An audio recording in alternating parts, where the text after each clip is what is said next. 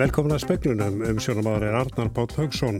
Talsmennið þryggja stjórnarnarstöðuflokka á alþingi ránaði með að greipið að veri til hertra aðgerð á landamærunum en efasendir um lögmæti þeirra.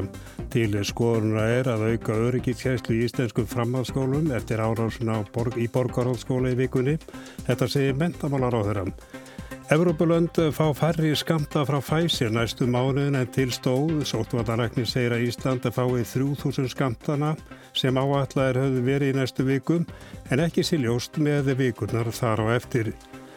Aturleysi er nú 26% í Reykjanesbæ. Bæjastjórinni segir að það stefni í að 200 manns í bænum falla bótum á þessu ári. Hann vil að bótatímabilið verði lengt. Forsættist á þar að Breitland skorar á landsmenn að halda sig heimum helgina og verða sótvarnareglur í kvívetna. Búður að bólusetja við 3,2 miljónir breyta. Fossásmenni flokks fólksins, samfélkingar og pírata eru ánaði með að gripið að veri til hertra aðgerða á landamæronum. Sumir hafa þó ávíkjur af lögmæti aðgerðana. Hilbriðs er á þeirra fjælst í dag á tilugu sórtvarnalæknis um að skikka alla sem koma til landsins í tvefaldarskimun og af, afnema sótt kvíjar möguleikan.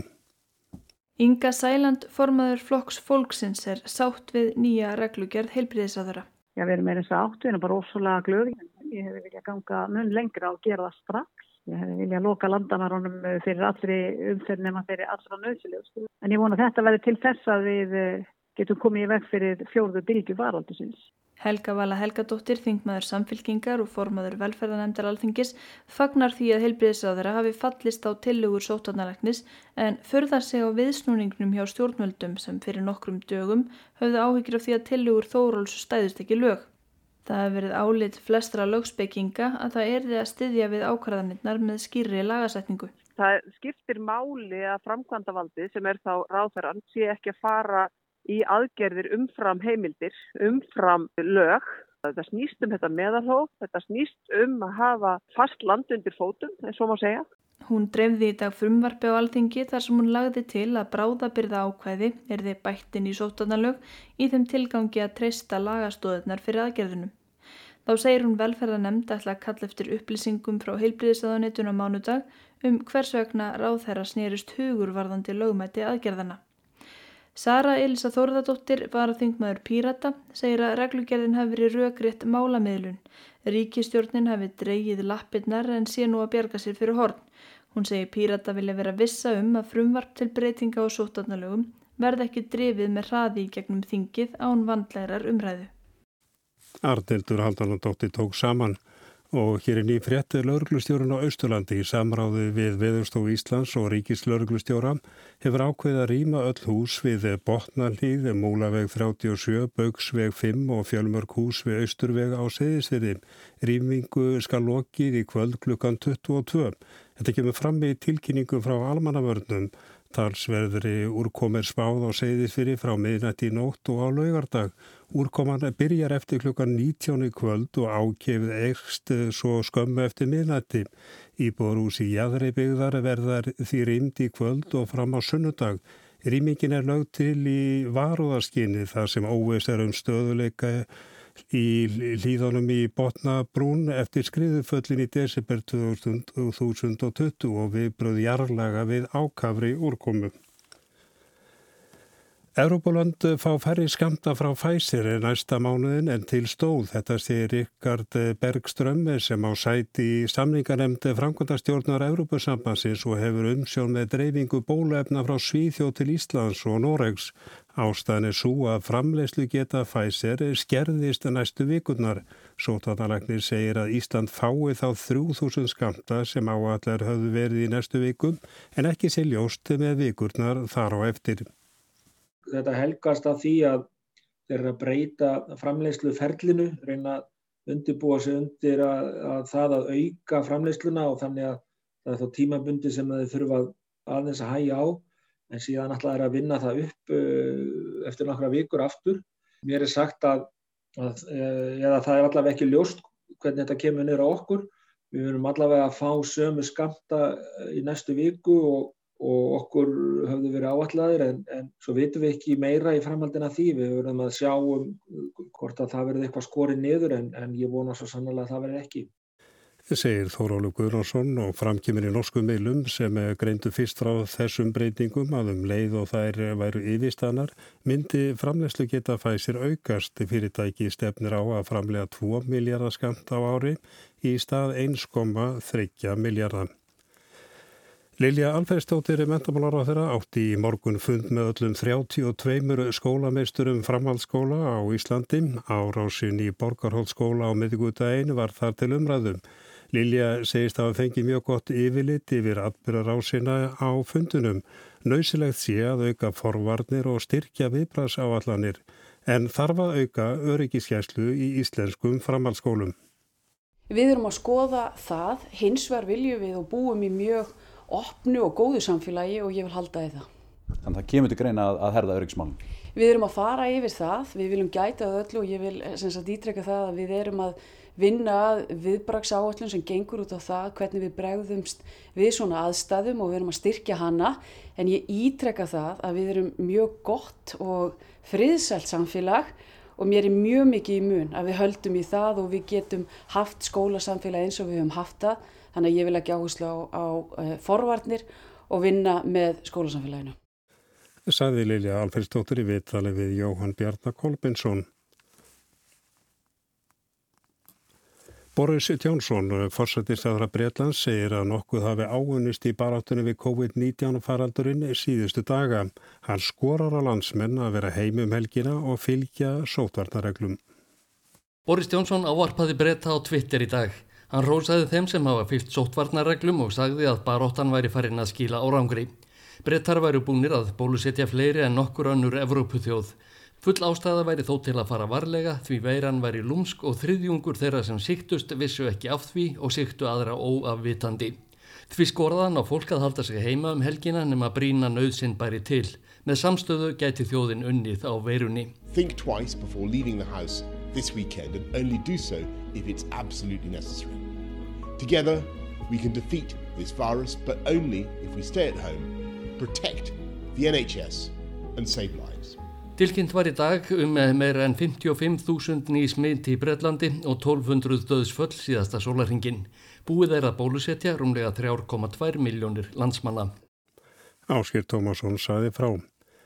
Hállenska ríkistjónið barst lausnar í dag vegna nextlis mál sem varðar barnabóta kerfi landsins. Skatti yfir völdu kröfðu þúsundir foreldra um að endugreða ríkinu ofreiknaðar barnabætur sem leita sögnu hállenskra fjölmila til þess að fjöldi fólks elendi í alvarlegum fjárasvandraðum.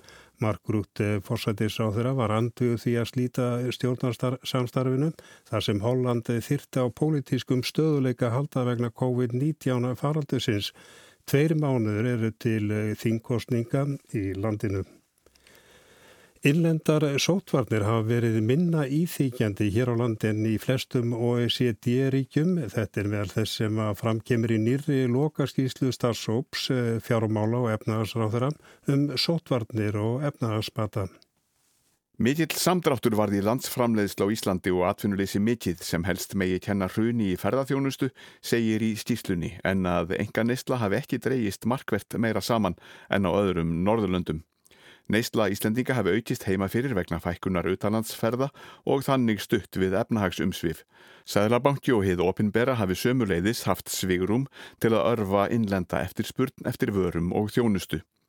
Kostnaður vegna faraldursins skiptist í tvent, annars vegar beinan efnahagslegan kostnað og hins vegar kostnað af heilsufarslegum afleiðingum COVID-19 auk áhrifa takmarkana á líðheilsu fólks. Í greiningu analytika fyrir starfshópin er því spáð að verði ferðartakmarkanir áfram svipaðar út fyrsta ársfjörðung nýs árs megi ferðarþjónustan búast við 76% lægri tekjum á fyrsta ári farsóktarinnar en hefði hún ekki skollið á.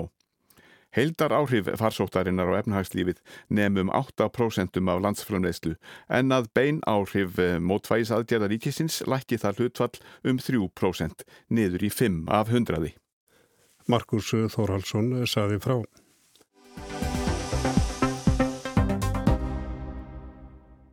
Vinnumálastofnun spáir því að almennt atvinnleysi aukist í janúar og að það verði tæplega 12 af 100. Í lok desemberi meldist atvinnleysið 10,7% á landsvísum.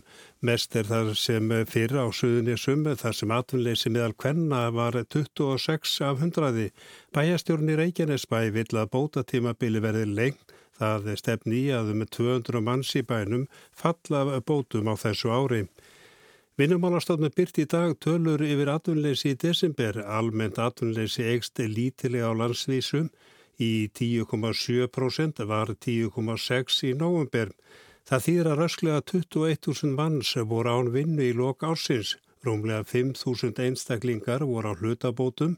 Ef sáhópur er tekið með er heildaratvinnleysiði 12,1%. Samtals er yfir 26.400 manns alveg án vinnu eða hluta. Yfir 4.000 manns hafa verið atvinnulegs í meirin eitt ár og um 6.600 án vinnu í 6-12 mánuði. Samtals hafa því tæplega 11.000 verið án vinnu lengur enn að halvt ár.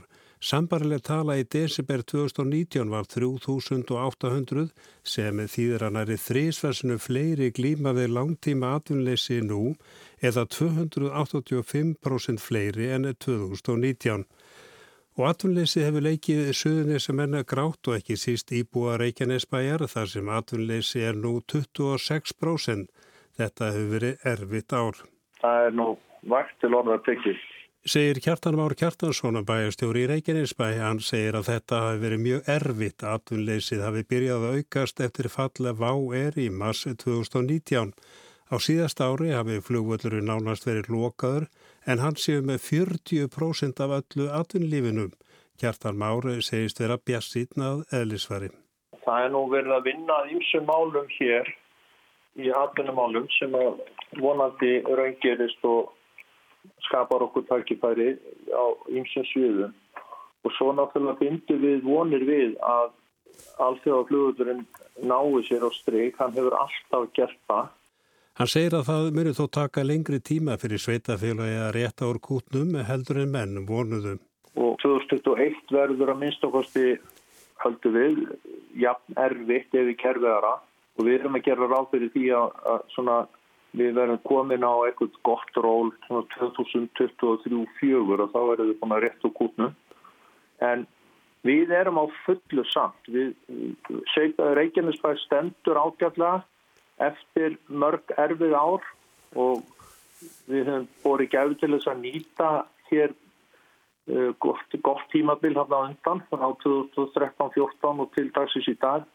Náðum að nýta það til þess að styrkja Um, stöðu sveitafélagsins og rekstar grundull þess þannig að við erum bara þannig séð ágætlega í stakkbúin og getum tekið á okkur þetta áfall og erum á fulli framkvæmdum og við erum frekar að bæta við fólki heldur en hitt og fara þá í einhver verkefni sem annars hefur kannski beðið og svo verðum við bara að trúa því og treysta að við náum tökum á þessari veiru og þetta fari nú alltaf snúast okkur í hag.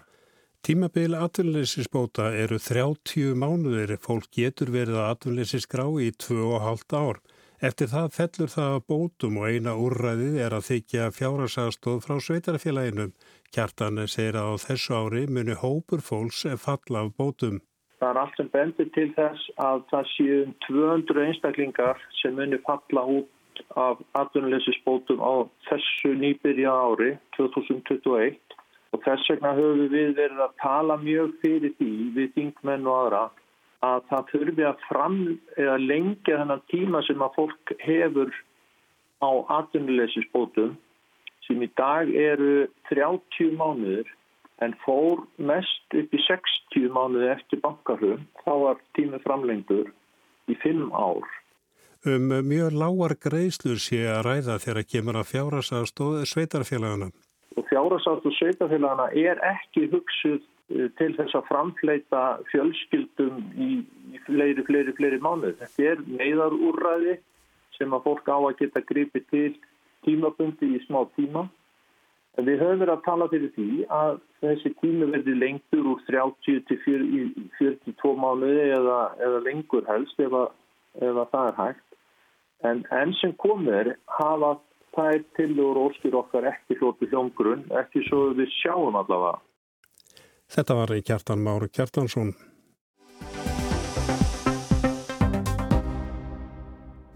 Hvort sem Brexit er eini svo happalegi líkt og helstu tals með þess, til dæmis Boris Jónsson að forsöndist á þeirra, hafa lofað, þá er ljóst að hér og nú skapar Brexit í missa vandamál Fósvarsmenn sjáorútvegs krefjast nú styrkja og stuðnings fyrir tap sem þeir eru að verða fyrir.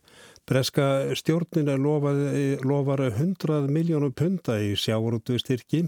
Evrópusambandi hegst verja 5 miljónum evra í slíka styrki í Evrópum. Þar fá Írar 1 miljard.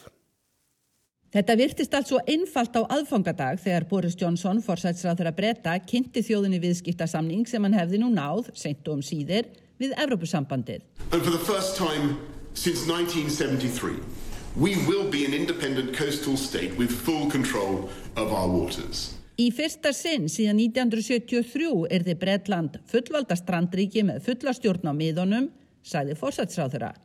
Þessi gleði bóðskapur druknar þó þessa dagana í harmsöng úr breskum sjárútvegi. Í samtali við speili nýlega sagði Barry Díaz, formaður breska sjómanasambansins, að hann ótaðist að sjáarútvegurinn stæði verð eftir Brexit en áður. Veiðistjórn kemur ekki í stað markaðar. Fyrir sjárútvegin er viðskiptasamningurinn við ESB í fáu sambarilegur við aðild að markas og tollabandalagi ESB. Eftir óhindru viðskipti í áratugi er Bretland nú útlönd fyrir ESB-löndin 27. Það breytir ímsu. Bæði útflytjandi í Bretlandi og innflytjandi í ESB-landi þurfa nú að standa skil á ímuskunar tottskjölum og heilbreyðsvottorðum sem tefur sendingar. Í Skotlandi hefur verið blómstrandi útflutningur á ferskum skjálfiski til Fraklands, lostæti sem frakkar meta að verleikum. Ian Blackford er þingflokksformaður skoska þjóðaflokksins á breska þinginu. Í fyrirspurnartíma fórsætsráð þeirra á miðgudaginn rakti Blackford raunir eins skosks fiskútflytjenda. My constituent in Lochaber, a producer and exporter of shellfish, is experiencing his worst nightmare. Líf skellfiskútflytjenda í Lochaber, kjördæmi Blackfords, er nú algjör martröð, sagði Blackford eftir að hlaða skellfiski á flutningabílin á mánudagin eins og hann hefur gert í 35 ár kom upp allskins hindranir sem þýttu að sending upp á 40.000 pund, 7 miljónir króna, tafðist og eigðilæðist þá. Tekjumissir fyrir 100 skoskar fjölskyldur. Can the Prime Minister tell my constituent where is the sea of opportunity that he and his Scottish Tories promised? Hvar er þessi hafsjór tækifæra sem fórsætsráðra og skoskir flokksbræður hans lofuðu? spurði Blackford. We're putting 100 million pounds into supporting uh, the fishing industry in Scotland and across the whole of the, of the UK. Fórsætsráðra sagði að ríkistjórnin myndi leggja 100 miljónir punta í sjávarútveg í Skotlandi og annar staðar. Herndi síðan upp á Blackford og flokkan sem fórsætsráðra af ásetningi kallar stöðut raungunapni að þeirra galni ásetningur væri að brjótu Breitland og draga Skotland aftur inn í ESB. Fáranlegt að kasta þannig brexit tækifærum fyrir borð, saði fórsætsráðura.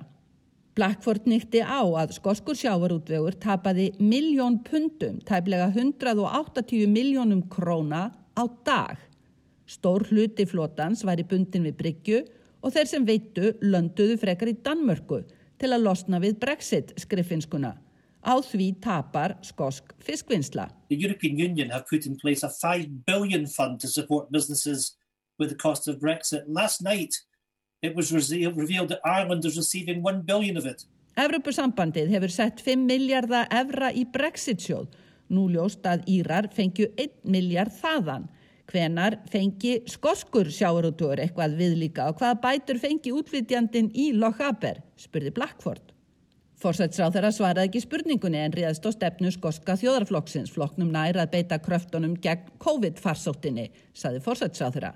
Fleiri þingmenn hafa í vikunni krafið forsætsráð þeirra svara um sjárútvegin. Hilari Benn, þingmaður verkamannaflokksins, spurði forsætsráð þeirra hvernig stæði á því að breski flotin væri bundi við bryggju í staðis að stunda veiðar og fjekk heldur fálmkjent svar. Well, I, I, I understand very much the uh, the frustrations of, of people who are, are fishing uh, community and, and, and Scottish uh, fishermen and women uh, who, are, who are facing what I believe are temporary frustrations insofar as there are delays caused by uh, a variety of, of, of problems. Forsætsráð þeirra saði skilja örvendingu sjómana og annara í samfélaginu sem ættu við að glíma að sínumati tímabundna örvendingu vegna alls konar vandamála. Þeir fengju bætur, þó enn ekkert áþreifanlegt um hvernig bætur eða hvenar. Í þinginu viðræði íhalsþingmaðurinn Jacob Rees-Mogg og ákafur Brexit sinni sína skoðun á vanda sjáurútvegsins. And the key is we've got our fish back. They're now British fish and they're better and happier fish for it. Líkilatrið er, saði Rísmokk, að við náðum stjórn á fiskinum okkar sem er því betri og hamingjusamari en áður. Ummæli sem þingforsetti var ekki vissum að hægt væra sannreina. Í takt við vaksandi brexit-vanda skoskrar útgerðar vaksa vinsaldir skoska þjóðarflokksins. Skoðanakanninni sína að við blasir með kostningasigur hans í mæ. Tótt forsætsráður að til skota verðist fremur hjálpa sjálfstæðisöflum í Skotlandi en styrkja einingu Bredlands. Sigrun Davidsdóttir saði frá.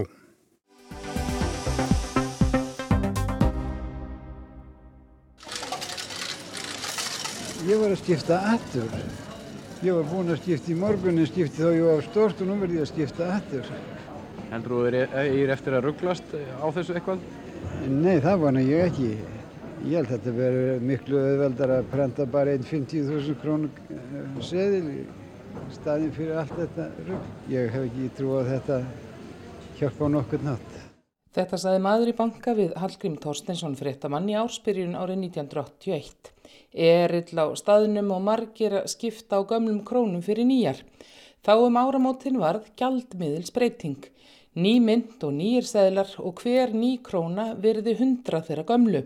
Þetta var gert í óðaverbolgu þess tíma. Hún kallaði á að gefnir yrðu út seðlar og slegin mynd með hærra verðgildi. Þá fórum henn að hugsa um hvort hægt væri að skera 2-0 aftan af króninni eins og það var stundum orðað og færa upphæðir nær því sem var í nágrannlöndum. Svipað hafði þeir gert í Fraklandi og Finnlandum áratug áður. Þetta segir Stefán Jóhann Stefánsson, reittstjóri í Seðlabanka Íslands. Sumir höfðu ágjör af því að hlutir myndu hækka og verðskinn brenglast. En það var eiginlega meiri umræða samt um það að, að það þurfti að grýpa til efnaðsar ástafana til þess að vinda ofan af verbulgunni sem að fór upp undir 80% þarna um þetta leiti eða, eða stöttu síðarindar.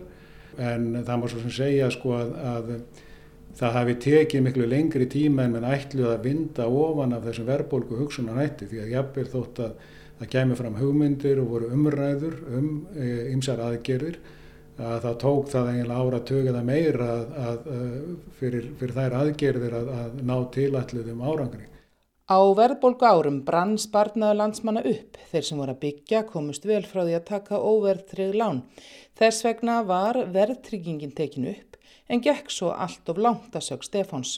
Það hefði ekki tekist að vinda ofan að verðbólgunni fyrir en dreyið var úr verðtryggingunni menn hefði svo komist á gott ról undir lok síðustu aldar í baróttu við verðbólguna. Það er alveg æðislega fallið með svo steg. Hefur þú trú á því að, að þú eitthvað að komast klakklaust í gegnum viðskipti í framtíðinni? Ég er alveg, alveg þessum það. Fyrir 40 árum var öllum seðlum og mynd skipt út og það var mikil framkvæmt fjögur fimm ári undirbúningi. Teikning og hönnun seðlanna og myndarinnar byrjaði um 1976.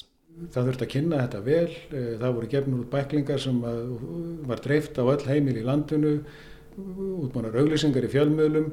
Það voru sendinemdir sem fór út um all land í fjármálafyrirtæki, vestlanir og, og þingarlíkt. Þannig að e, þetta var mjög mikil aðgjör og kostaði heilmikla peninga. E, þó að það tellist kannski ekki mikið í dag, eitthvað um halvur miljardur sem þetta talið hafa kostað á sínum tíma. Það var þetta heilmikil aðgjörð og það var auðvitað óvissu ástand þegar það þurfti að fara að reikna upp á nýtt hérna, fæslur í böngum og, og, og því einlíkt. En, en samt uh, tókst þetta mjög vel, menn töluðum nýja krónu og gamla krónu þarna um tíma en, en, en síðan vissum menn að, að másamann myndi menn bara tala áfram um krónu. Fyrirmæli voru gefin um að verð skildi prenta á vörur með rauðuletri í nýkrónum og í gömlu krónunum með svörtu. Eitthvað vafðist umrekningurinn fyrir fólki fyrstu dagana. Til dæmis eins og hérna, hérna eru 130.000 og þar færi maður 50, 60, 70 og 100. 170. Breytingin var um áramót og í frjálsri verslun sömrunu fyrr viðrar maður áhyggjur af því í hálkæringi að það gæti þvælst fyrir þeim sem far út að skemta sér og skrifa þá ávísanir að fyrir miðnætti voru upphæðir í gamlum krónum en þegar líðartekur á nýjarsnótt verða þær í nýjum krónum sem eru hundrasinnum vermættari. Stefán kannast ekki við að það hafi valdið teljandi vandræðum. En um þetta leiti sko þá vor, var fólk smá saman að færa sig yfir á kortin. Það var þarna á þessu, þessu árabili sem að kortin voru eitthvað að koma til, til sögunar og reyðu fjegi umferð var smá saman að minga. Þegar Sælabanki tók til starfa 1961 þá var reyðu fjegi umferð á við 5% af, af verðmæti landsframlislu. E, síðan fóru Íslandingar að nota mjög mikið ávísunum og þá minga þetta smá saman og fóru niður í um 1% og við notuðum einna minnst af seðlum af, af öllum löndum í heiminum. Kortin tóku síðan við þannig að alveg frá 1980 og, og framundir fjármálarunni 2008 þá voru við, þá notum við hlutvarslega minnst af, af, af seðlum af, af ríkjum í heiminum og notum ennþá mjög lítið af seðlum miða við margar aðra þjóður. Þótti reyndar ástæða til í fyrirnemdu blaði frjálstrar verslunar að lýsa greiðslukortum sérstaklega. Þetta væri yfirleitt lítil plastspjöld með uppleiftum stöfum þannig að hægt væri að þrykja mynd þeirra yfir á blað. Og 1980 hafðum 150 Íslendingar leifi til að nota slík kort og þá á ferðalögum erlendis. Kortin og svo greiðslur með síma og í heimabanka hafa orð til þess að reyðufjö er ekki notað nefnum um 10% viðskipta segi Stefán. Þó sé það þannig að á erfiðum tímum eins og í hruninu og aftur í kófunu þá aukist reyðufjö umferð. Ímsum þykji öryggi því hafa seðla hjá sér og það sjáist til dæmis að meira farið út af 10.000 krónar seðlum en búist var við. Nokkur er þeirra seðla sem voru gefnir út árið 1981 eru hornir. Það eru 10 króna, 50 króna og 100 króna seðlar sem eru komnir í mynd og auðratnir sem voru í umferð fyrir 40 árum eru hornir. Þeir hafa helst gildi fyrir mynd og seðla safnara og þá fara gamli túkallar sem voru slegnir um 1960 á þúsundir króna, segi Stefán, þó að ekki sé hægt að nota þá í venjulegum viðskiptum. En hvað erum við stöld núna? Hvernig er verðgildi krónar í dag miða við fyrir 40 árum? Ja, þráttur að verðbólgan hafi ætt áfram þarna fyrstu árin eftir myndbreytinguna og við erum nokkuð meiri heldur en, heldur en viða í nákvæmlandunum að þá vantar talsvöld upp á það að, að við séum að sama stað og vorum þetta 1980-81. Þá kostaði dólarin eða maður rétt einhverju 400-500 krónur. Þó að dreigið hafi úr nótkun reyðufjár er um 80 miljardar í peningum utan Sæðlabankans megnið í seðlum.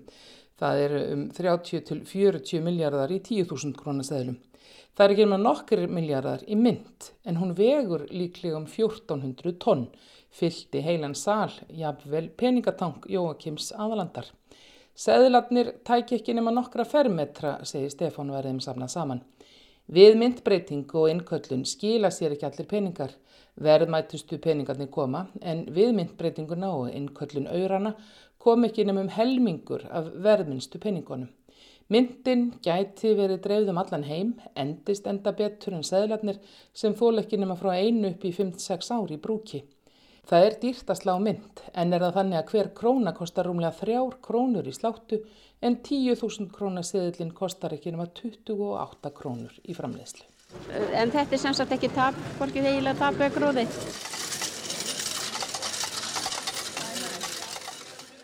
Og það var Anna Kristi Jónsdóttur sem tók saman og talaði við Stefán Jóhann Stefánsson og þá voru flutt upp brot úr fréttum frá öðrum janúar 1981.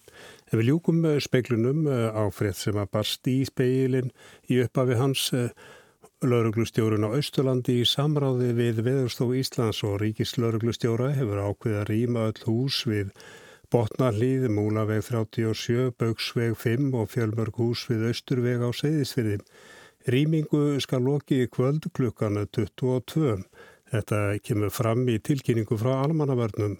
Talsverð úrkomi er spáð á Seyðisfyrði fram á minnætti nótt og á laugardag. En e, það er nánagrindar á þess á vefnum okkar. En við ljúkum speiklunum með tæknimaður í kvöld var Mark Eldred verið í sæl.